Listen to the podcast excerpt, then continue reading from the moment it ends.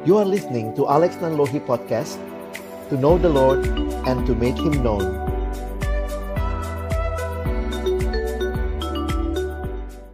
Kembali kita berdoa. Kami datang dalam ucapan syukur Karena Tuhan masih berikan kekuatan bagi kami. Engkau yang mengenal setiap kami, hati kami, hidup kami di hadapanmu dan berdoa bagi sesi ini Tuhan yang kiranya sekali lagi menyapa setiap kami dengan kebenaran firman-Mu. Pakai hambamu yang terbatas, menyampaikan firman-Mu yang sungguh tidak terbatas.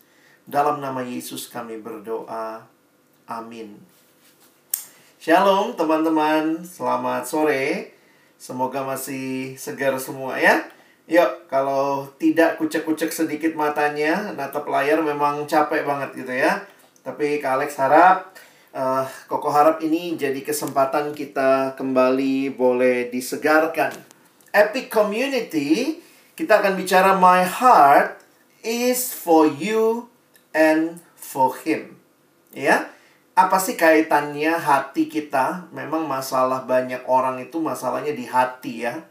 Makanya ada kalimat sebenarnya dalam bahasa Inggris menarik sekali. What is the heart of the problem? The heart of the problem is the problem of the heart. Masalah utamanya adalah hati kita. Uh, Koko tadi waktu dengar Ko Andrian berdoa, jadi ingat ya. Ini juga yang saya pakai membuka sesi ini untuk mengajak kita melihat apa sih gereja itu. Lihat gambarnya yang Koko pilih ya yang menyedihkan sebenarnya tanpa sadar gereja atau orang-orang yang datang ke gereja. Ya termasuk kita juga ya. Ayo evaluasi hidup kita. Sometimes kita ber, berpikir ke gereja itu seperti lagi belanja ke supermarket. Sehingga selalu yang kita pikirkan apa yang saya dapat? Jadi kalau bicara gereja kan sebenarnya gereja bukanlah gedungnya tapi orangnya dan waktu kita datang ke gereja, kita bergereja walaupun dalam online seperti ini, kita ikut korem, selalu yang terpikirkan adalah saya dapat apa? Saya dapat apa? Nah, ini memang semangat uh, generasi ini atau bukan hanya generasi ini, tapi ini semangat spirit zaman yang justru masuk ke gereja. ini yang sedih ya. Harusnya kan gereja yang memberi warna kepada dunia, tetapi spirit zaman, spirit dunia ini masuk tuh ke dalam gereja. Sehingga banyak kali orang datang ke gereja, orang bergereja, selalu berpikirnya seperti consumer. Consumer, jadi selalu bayangannya adalah, gue dapat apa nih? Gue dapat apa nih? Makanya tadi yang Koko juga cerita di sesi yang sebelumnya, kita itu lebih sibuk cari teman ketimbang menjadi teman. Ya, sehingga, nah, we are spiritual contributors. Sebenarnya ini tugas tanggung jawab kita. We are spiritual contributors, not just spiritual consumers. Jadi kadang-kadang yang kita terjadi di banyak gereja, orang tuh kalau ke gereja tanpa sadar kayak perampok ya. Gue dapat apa? Gue dapat apa ya? Ada satu karung besar, ambil ini, ambil ini, apalagi yang saya dapat, apa yang saya dapat jarang sekali berpikir apa yang saya berikan. Sementara kalau kita pelajari konsep gereja, justru sebenarnya our heart is not for ourselves. If everything is about myself, that is not church. Ya, ingat lagi tema kita hari ini ya. Apa tadi? My heart is for you and for him. Jadi my-nya itu cuman I have a heart and my heart is not only for me but it's for you and for him.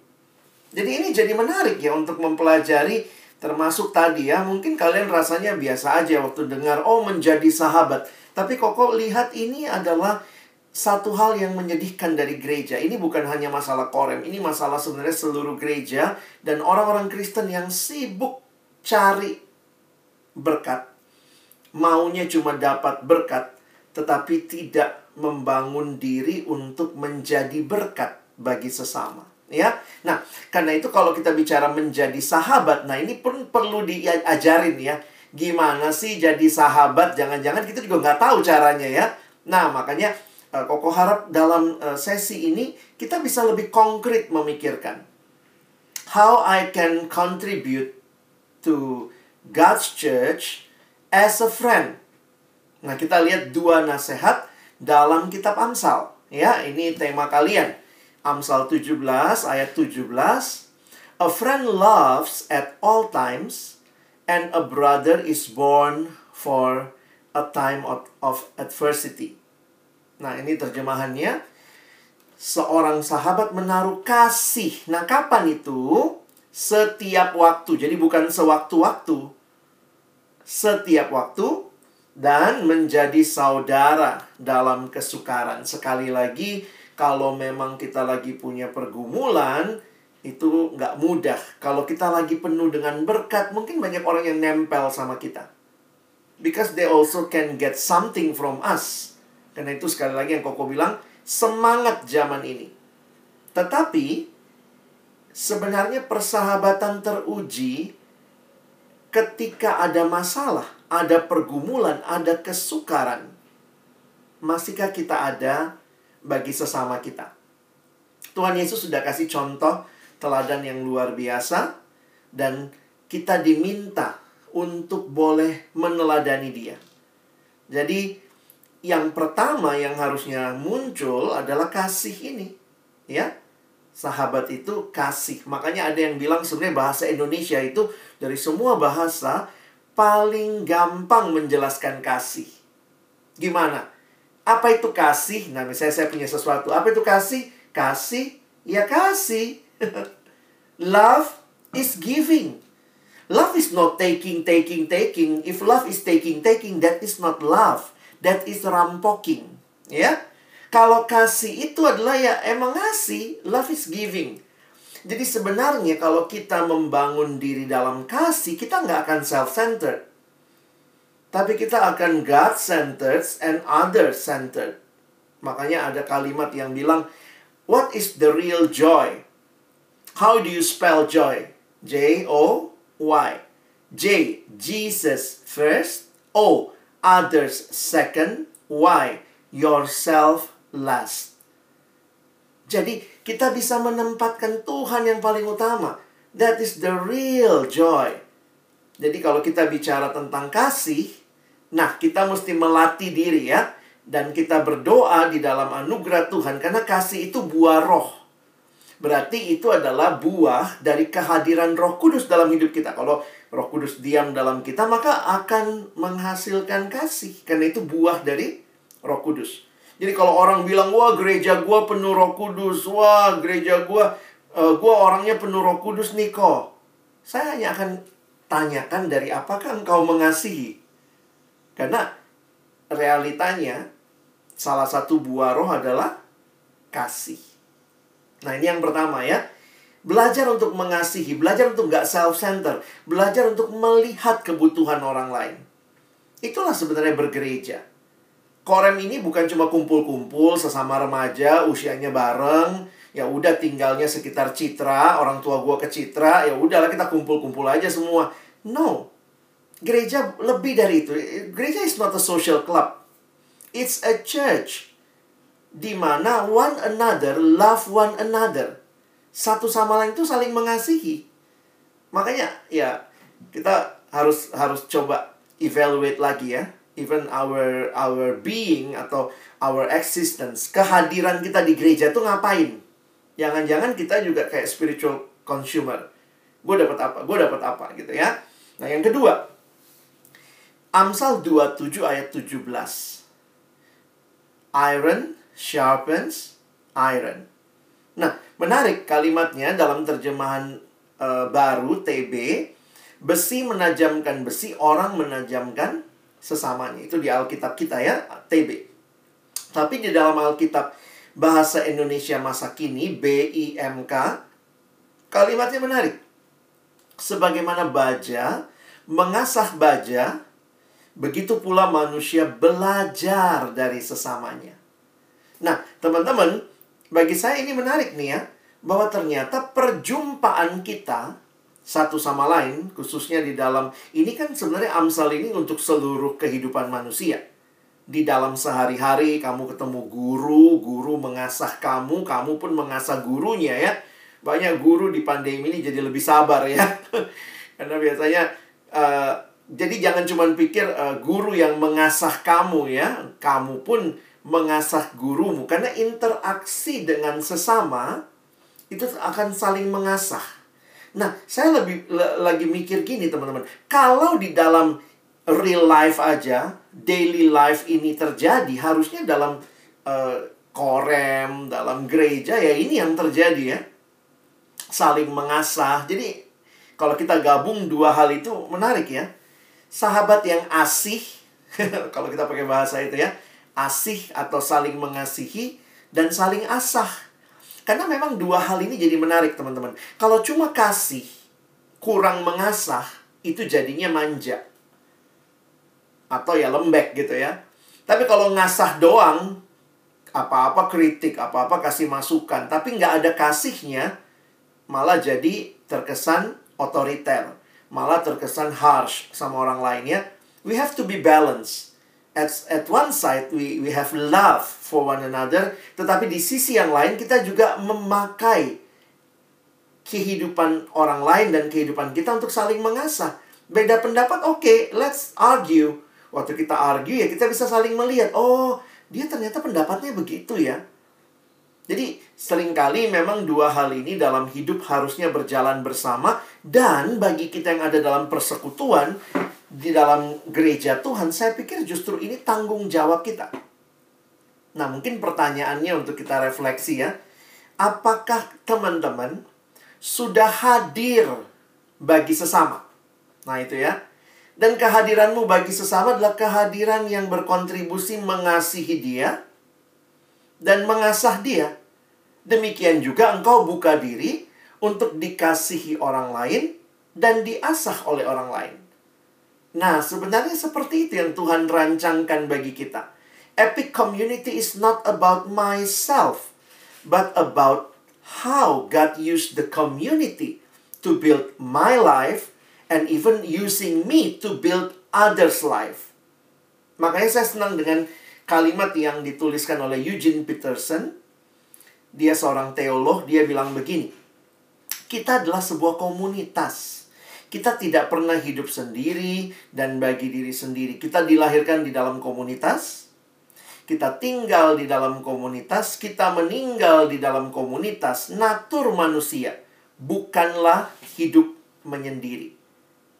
Nah, jadi teman-teman, ini sebenarnya kalau kita lihat lagi jauh ke belakang, ini adalah rancangannya siapa? Gereja itu rancangannya siapa sih?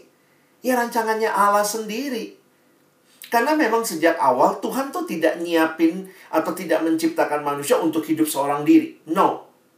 Itu bukan desain awal Tuhan.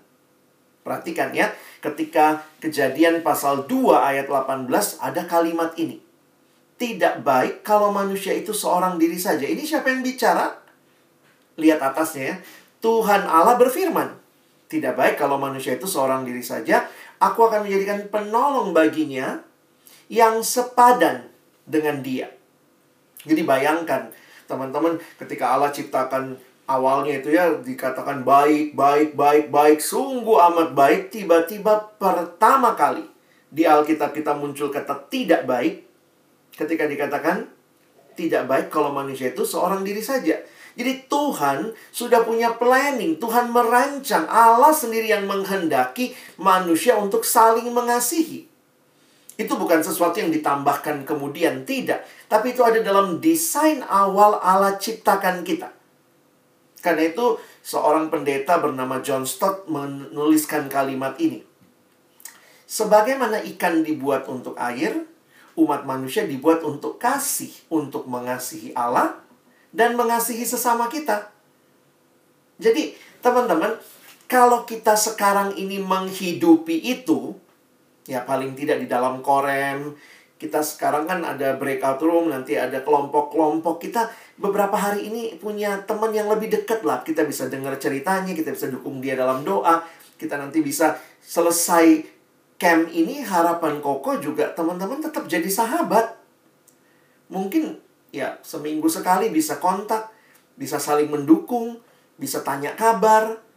Jadi sebenarnya itu bukan sesuatu yang aneh. Justru yang aneh adalah kalau orang Kristen ngumpul tapi semua sibuk sama gadget masing-masing. Akhirnya nggak nggak ngobrol, tidak saling memperhatikan, tidak saling peduli. Nah itu yang kadang-kadang sedih ya kalau datang acara kebaktian ya semua juga uh, apa ya ya memang mesti diem ya mesti tenang dalam ibadah tapi kadang-kadang selesai ibadah pun sudah acara ramatama semua sibuk sama gadget masing-masing semua sibuk dengan urusannya masing-masing atau ya udah udah selesai kebaktian ya udahlah udah dijemput papa mama ya pulanglah ya udah that's all padahal kalau kita lihat Tuhan sendiri menghendaki ada kesatuan dan kesatuan yang berfungsi dengan baik. Teman-teman waktu perhatikan di Alkitab. Nanti kalau kalian coba cek ya, salah satu kata yang menarik dalam relasi yang muncul di sepanjang Alkitab. Itu kalau bahasa Indonesia pakai istilah saling, ya. Kalau bahasa Inggris pakai istilah one another. Jadi waktu Koko pelajari tentang one another, that is how the church should work. What is a church? A church is one another with God at the center. Jadi sebenarnya Tuhan hadir dan ketika Tuhan hadir kita tuh ketersalingan. Mungkin kalau bahasa Indonesia gimana ngomongnya? Ketersalingan, one anothering. Coba kita lihat ya, ini beberapa daftar yang Koko lagi perhatiin. Nah ini coba kita cek lagi nih, ini udah terjadi belum ya di antara kita? be devoted and give preference to one another. Ya ini koko campur-campur bahasanya ya. Nanti lihat ayat-ayatnya. Menerima satu dengan yang lain. Jadi kalau kita membeda-bedakan, ah dia bukan dari sekolah gua, udah malas gua ngomong sama dia. Nah itu sebenarnya that is not what the church should be. Care for one another. Tentu kalau kelompoknya terlalu besar agak susah. Makanya biasanya ada kelompok-kelompok yang lebih kecil. Tetapi kita berharap dalam kelompok itu jangan cuma cuma diem gitu ya. We have to care for one another. Carry each other burdens. Saling mengampuni. Waduh, ini ini ini bukan cuma sulit ya bahasa Indonesia-nya sulit bahasa Inggrisnya ya. Karena memang ya tidak ada dari kita yang tidak mungkin bikin salah. Dalam persahabatan, dalam interaksi mungkin ada gesekan. Nah, karena itu kita butuh saling mengampuni. Encourage, build up one another. Spur one another to love and good deeds. Saling mengaku dosa, saling mendoakan. Coba kita cek yang mana yang udah terjadi ya. Oh, kalau kami mah kok pasti saling mendoakan berjalan. Saling melayani, saling mengasihi. Nah, tapi yang lain-lain mesti dicek nih Terjadi apa enggak? Saya tahu enggak ketika ada yang punya pergumulan. Tentu dua sisi harus terbuka ya. Yang punya pergumulan mungkin juga bisa share. Yang lain juga bisa peduli dengan pergumulannya. Kadang-kadang kan kita juga nggak bisa nebak ya. Ini orang lagi butuh apa. Kadang-kadang ya kita mesti belajar juga membuka diri. Jadi Koko bersyukur ketika Koko remaja. Nanti Koko cerita di akhir ya. Ketika Koko remaja, Koko ikut uh, kelompok kecil namanya ya. Namanya kelompok kecil yang yang di dalamnya Tuhan berikan ini memang kami dibentuknya di sekolah. Jadi kami saling saling memperhatikan, belajar jadi sahabat satu sama lain dan itu persahabatannya sampai hari ini. Ya. Dari tahun 89 sampai hari ini. Tuhan masih berikan kami jadi sahabat satu sama lain. Kalau ada yang punya pergumulan, bisa share satu sama lain. Nah, mungkin kalian bilang, waduh kok ini mah susah banget kok. Aduh, sebenarnya ini mungkin karena Tuhan sudah kasih teladan sama kita. Sebenarnya kalau lihat lebih jauh ya, kalian rasa ini kurang ya. Nih, koko tambahin lagi nih. Silahkan, nanti bisa cek tuh, cek ayat-ayatnya. This is what the church should be. Kerinduan koko menjadi epic itu bukan cuma sekedar bikin camp ya Habis camp selesai, wah kita epic foto di mana-mana masuk majelis dapat laporan, wah berjalan camp remaja. What is a church? Korem itu apa? Kiranya terjadi nih. Ya, one anothering. Yang di dalamnya kita belajar tuh, kita usahakan ya. Mungkin kalau susah dalam kelompok besar, makanya kita bagi-bagi kelompok kecil. Kalian pakai nama-nama sepatu hari ini gitu ya. Yuk, kita belajar saling memperhatikan. Mulai dari apa? Mulai dari hal yang kecil, mendoakan. Mungkin nanti dari situ kita bisa lihat lagi lebih jauh. Ya. Koko tadi cerita dalam kelompok waktu kami masih SMA tuh jadi ketika ada yang punya kesusahan, saya ingat ada yang mungkin juga waktu itu mungkin punya kebutuhan keuangan. Ya kita sebagai teman ya kita juga nggak uangnya nggak banyak-banyak amat gitu ya. Tapi ketika kita kumpul-kumpul ternyata itu menjadi satu hal yang berguna buat teman kita gitu ya. Nah jadi inilah yang Tuhan sedang rindukan engkau dan saya alami teman-teman.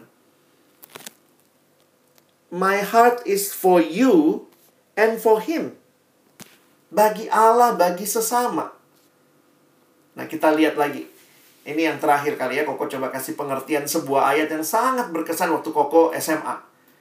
SMA 2 mungkin ya, kelas 2 saya dapat ayat ini, saya baru ngeh, widih, ada ayat kayak gini teman-teman ya. Coba, biasanya kita paling hafal ayat di Alkitab di mana? Yohanes 3 ayat 16. Wah, itu semua hafal mati kali ya. Udah mati pun masih hafal maksudnya gitu ya. Udah udah ngelotok banget ya. Yohanes 3 ayat 16. Tetapi berapa banyak yang pernah hafal 1 Yohanes 3 ayat 16. Wah, ini menarik ya. Nah, coba lihat. Kalau bicara kesatuan, bicara kasih, bagi saya yang menarik, bukti bahwa kita mengasihi sesama itu ditulis di 1 Yohanes 3 ayat 16 sampai 18.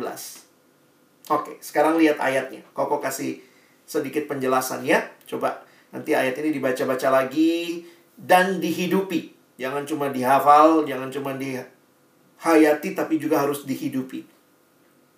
Perhatikan kalimatnya ayat 16. Demikianlah kita ketahui kasih Kristus, yaitu bahwa ia telah menyerahkan nyawanya untuk kita. Jadi, kita pun wajib menyerahkan nyawa kita untuk saudara-saudara kita.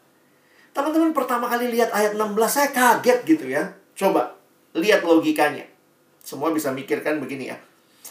Kalau Pak e, Rasul Yohanes ngomong gini, demikianlah kita ketahui kasih Kristus yaitu bahwa Kristus telah menyerahkan nyawanya buat kita. Nah, perhatikan. Kalau Kristus kasih nyawanya buat saya, lalu saya kasih nyawa saya buat Kristus, udah deh, impas kan selesai. Tuhan kasih nyawanya buat saya, saya kasih nyawa saya buat Kristus. Sudah, itulah hidup kerohanian kita. Tetapi ternyata tidak hanya itu. Perhatikan.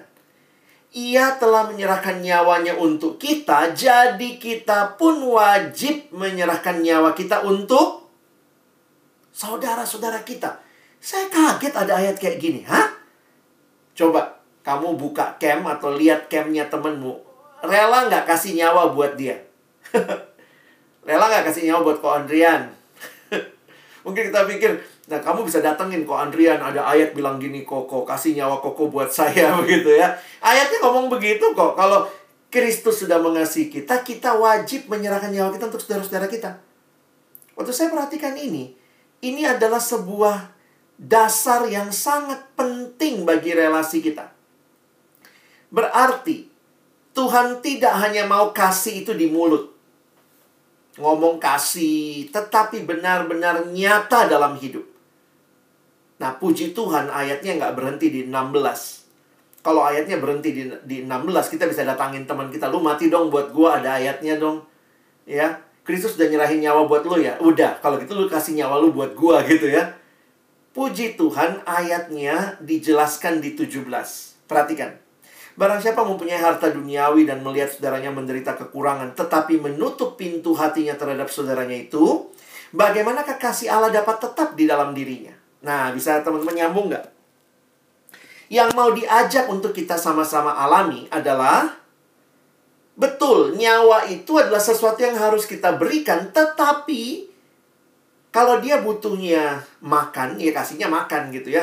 Jangan, aduh gua lapar dong butuh makan. Oh ini nyawa gua, nggak guna gitu ya. Ayat 16 seperti memberikan standar bahwa ketika engkau mengasihi sesama, beranikah engkau memberikan yang terbaik dalam dirimu, yaitu nyawamu, bagi sesama. Seperti Kristus sudah kasih nyawanya buat kita, kita pun wajib menyerahkan nyawa kita buat saudara-saudara kita. Tapi aplikasinya apa? Kan nggak, ya Tuhan kan nggak minta nyawamu sekarang ya. Saudaramu pun nggak minta nyawamu. Mungkin yang dia minta adalah waktumu untuk dengar cerita dia. Mungkin yang dia minta adalah perhatianmu. Mungkin juga ada yang tanda kutip sedang membutuhkan uluran tangan kita untuk pergumulan hidup yang dia lagi alami.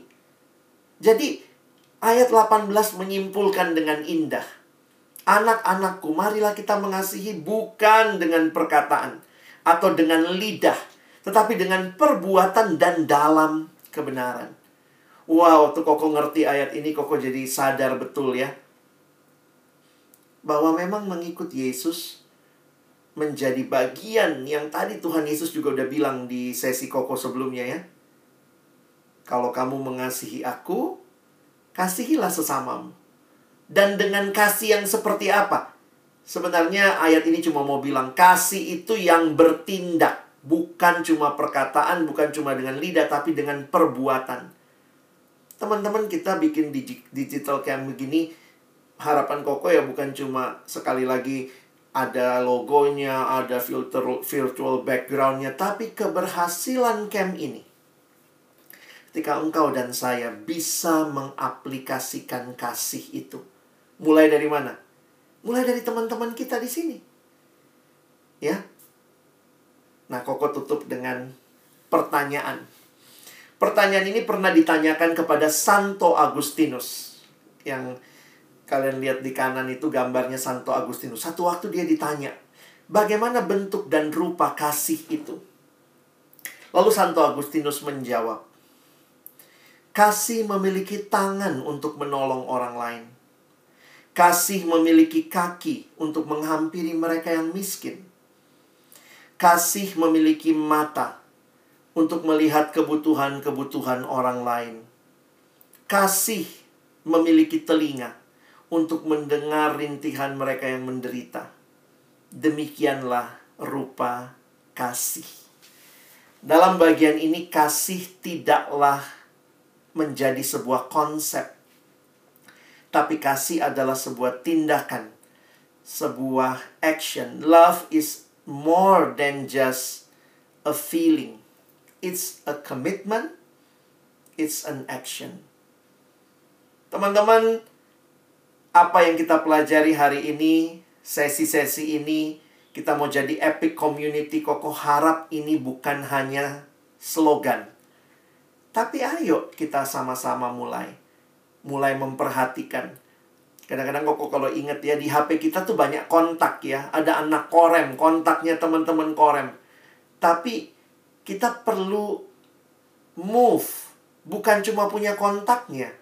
We need to move from contact to connect. Ya. Jadi dalam masa-masa seperti ini kok pikir belajar mengasihi. Ada satu peristiwa yang menggetarkan hati saya ketika ada satu adik yang dulu saya layani dia kirim uh, eh, WA ya sama Koko waktu itu. Ini masa-masa pandemi ini kan kita banyak yang kesepian mungkin ya banyak yang nggak butuh perhatian tapi ya nggak bisa bilang juga ya karena kayaknya semua juga butuh makanya ya yuk saling mengasihi gitu ya. Terus kemudian dia bilang waktu itu sama saya, kok ada yang mau didoain nggak kok? Terus kemudian ya udah saya tulis lah di WA ya Koko tulis di WA ini yang mau didoain gitu ya ya saya pikir ya puji Tuhan lah nanti uh, ada yang mau doain ya. Terus saya kirim sama dia. Terus koko kirim sama dia nggak? Terus koko tunggu lama kok nggak ada respon nggak ada oke okay, kek oke okay, kok saya doain kek. Tapi teman-teman kira-kira setengah jam kemudian yang masuk ke saya adalah sebuah voice notes. Wah dan di voice notes itu dia doain koko. Wah itu koko terharu banget ya. Tiba-tiba di voice notes itu dia saya putarkan dia bilang e, mari kok kita berdoa. Wah lalu semua yang saya tadi ceritakan dia doain untuk saya. Itu bentuk perhatian yang sederhana. Tapi ternyata Tuhan pakai untuk menguatkan saya. Be a community is not something that we should struggle with. It's something already there. Ayo hidupi. Kamu punya HP canggih main game bisa begitu rupa. Yuk pakailah gitu ya. Mungkin video call kalau temanmu butuh, mungkin kirim voice notes aja. Mungkin kita bisa kita bisa dengan hal-hal yang kecil. Kalau ternyata mungkin dia lagi isolasi mandiri, kita kirim sesuatu untuk dia makan atau apa. Saya pikir be a community is something very real. Dia butuh apa? Dan kamu punya apa? Kamu punya tangan? Ayo tolong orang lain. Kamu punya kaki? Ayo dekatin. Kamu punya mata, lihat kebutuhan dia. Kamu punya telinga, mungkin dia cuma butuh didengar. Tidak semua orang yang datang sama kita tuh butuhnya duit ya, enggak ya. Mungkin dia cuma butuh didengerin. Nah, ini Koko punya mimpi banget ya dengan Epic Community ini. Karena Koko yakin sebenarnya ini bukan dimulai di luar dunia, tapi harus mulai di dalam gereja. Dan kalau gereja menghidupi ini, kiranya kita berbuah bagi dunia. Teman-teman, Koko menantang kita semua pikir baik-baik. Sudahkah saya jadi sahabat? Wah kok saya mau jadi sahabat. Ayo mulai. Pikir hal yang paling sederhana. Tuhan gak minta apa yang saudara gak punya. Tapi apa yang kamu punya? Ayo kita bagikan kepada teman-teman. Di mana? Di dalam korem ini terlebih dahulu. Kita bangun hidup bersama. Koko tutup dengan sebuah cerita tentang kelompok yang Koko cerita tadi ya jadi kami punya kelompok sejak SMA. Mungkin saya coba share dulu ininya ya tadi uh, slide-nya. Sebentar. Nah, jangan ketawa ya. Ini foto Koko zaman SMA nih. Jangan nebak saya yang mana ya. kami SMA punya kelompok sebenarnya kami berlima belas. Kami adalah teman-teman, kami sekolah di sekolah negeri. Jadi memang yang Kristen itu minoritas tapi di sekolah kami ada persekutuan. Dan dalam persekutuan itu kami dibagi-bagi lagi dalam kelompok dan inilah kelompok kecil saya. Walaupun nggak kecil ya, 15 orang. Nah, waktu itu masa-masa ya saya pikir sama kayak kalian ya, SMA gitu atau mungkin SMP SMA lah masa korem ini masa yang indah. Punya sahabat yang memang jadi sahabat buat kita yang benar kata Amsal tadi ya. Saya waktu siapin ini, saya pikir Amsal tadi itu saya bisa saksikan teman-teman ya. Amsal itu bukan cuma kokoh hafal. Tapi kokoh bisa saksikan dalam kelompok yang Tuhan berikan. Ada sahabat yang menaruh kasih setiap waktu dan menjadi seorang saudara dalam kesukaran. Ini foto tahun 89. Kelompok kami terbentuk zaman kami SMA. Dan kami kasih nama waktu itu Suaka. Kenapa? Kami suka nyanyi. Lihat teman kami di bawah pegang gitar ya. Jadi salah satu kegiatan kami, kami sering nyanyi di kebaktian. Hampir sebulan sekali pasti kami nyanyi gitu ya. Suaka adalah singkatan suara kemanusiaan. Dan kelompok ini, walaupun kami tidak ketemu rutin lagi, waktu SMA kan rutin, terus kemudian terpisah waktu kuliah, lalu kemudian macam-macam. Nah, puji Tuhan di tengah masa pandemi, jadinya mulai bisa kumpul lagi. Nah, namanya teman jadi saudara dalam kesukaran, yaitu yang kami alami. Nah, eh, salah satunya adalah ketika teman kami ada di gambar ini juga nanti kalian bisa lihat ya. Eh, dia menderita kanker sudah sejak mungkin 5 atau 6 tahun lalu dan dia bergumul dengan kanker dan akhirnya Tuhan panggil pulang tahun ini dan itu menjadi kesedihan yang mendalam buat kami karena kami sudah seperti keluarga. Tapi ya di situlah kita melihat uh, arti persahabatan yang sejati bukan waktu semuanya senang, tetapi bahkan di situasi yang sulit. Sebelum itu ya kita banyak doakan dia kalau kita karena ada KTB virtual ya kelompok tumbuh bersama secara virtual sebulan sekali kebaktian bersama kami banyak doain dia. Nah, Koko ingin tutup dengan kesaksian ini untuk kita melihat bahwa mulailah bersahabat, jadilah sahabat. Itu menjadi sesuatu yang akan indah bagi hidupmu di sepanjang kehidupanmu. Ya, foto begini tinggal kenangan. Kami sudah banyak yang berkeluarga. Nah, tetapi kami reuni virtual, teman-teman ya.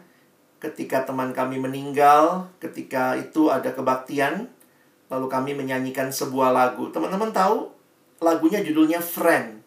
Lagu Friend ini kami sudah nyanyi waktu kami SMA kelas eh, tahun 89 ini. Tapi lagu ini makin berkesan dan membuat kami semua menangis ketika kami harus nyanyikan lagi eh, tahun ini ketika teman kami meninggal. Kami baru ingat, jadi ternyata lagu ini ditulis oleh Michael W. Smith karena temannya meninggal. Dan akhirnya waktu kami nyanyikan lagi ketika teman kami meninggal, kalian perhatikan kata-katanya. Friends are friends forever if the Lord the Lord of them. Mari kita lihat lagu ini dan nanti sesudah itu kita akan berdoa. Packing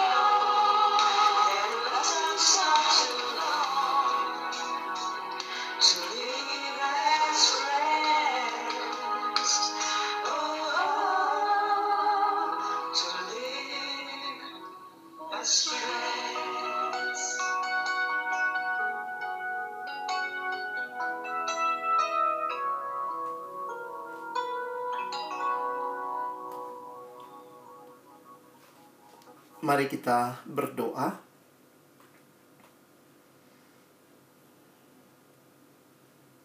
Sebelumnya Koko ingin menantang kita semua yang hari ini. Sudah ikut sesi-sesi yang penting, sudah dengar firman Tuhan, sudah dengar kesaksian. Pertanyaannya, maukah engkau jadi sahabat? Bagi sesama teman-temanmu yang Tuhan hadirkan di dalam korem ini? Sahabat yang mengasihi, sahabat yang mengasah, sahabat yang boleh jadi sahabat karena Tuhan adalah Tuhan kita. Kerinduan supaya kita jadi komunitas, gereja yang bukan datang dengan keegoisan. Saya dapat apa? Tapi datang dengan kerinduan, Tuhan apa yang kau berikan bagiku yang bisa aku bagikan bagi sesama. Tidak mudah. Ini bukan gereja yang perfect. Tetapi bukan berarti tidak mungkin. Karena di dalamnya ada pengampunan ketika kita gagal. Ada kesempatan kedua ketika kita mungkin merusak kepercayaan. Maukah teman-teman menjadi sahabat bagi sesama? Dan itu hanya mungkin kalau engkau pertama-tama mengalami Yesus sebagai Tuhan dan Juru Selamat dalam hidupmu. Terima Dia dalam hatimu. Sahabat yang sejati. Dialah yang memampukanmu jadi sahabat. Karena itu sore hari ini, izinkan Koko sebagai hamba Tuhan memberikan penantangan ini bagi saudara. Adakah yang berkata, Tuhan Yesus saya mau buka hatiku. Terima engkau dalam hidupku sebagai sahabatku satu-satunya. Kalau ada, taruh tangan kananmu di dada. Walaupun Koko tidak bisa lihat kalian semua, mungkin kemmu pun sedang tertutup. Tapi kalau engkau berkata, Tuhan saya mau menerima engkau sebagai Tuhan dan Juru Selamatku, sahabat satu-satunya yang tidak pernah gagal jadi sahabat bagiku. Aku mau buka hatiku terima engkau. Mari taruh tangan kananmu di dadamu sebagai simbol engkau mau buka hatimu terima Yesus. Dan selanjutnya, adakah yang berkata, "Tuhan Yesus, saya juga mau jadi sahabat bagi sesama"? Saya rindu Tuhan, boleh dipakai mengasihi sesama, mengasah sesama. Jika engkau rindu juga dipakai jadi sahabat bagi sesama, di korem ini. Taruh tangan kananmu di dada. Koko akan memimpin dalam doa untuk setiap komitmen yang kita buat. Tuhan Yesus ini kami, kami yang rindu bahwa Engkau menjadi sahabat sejati kami.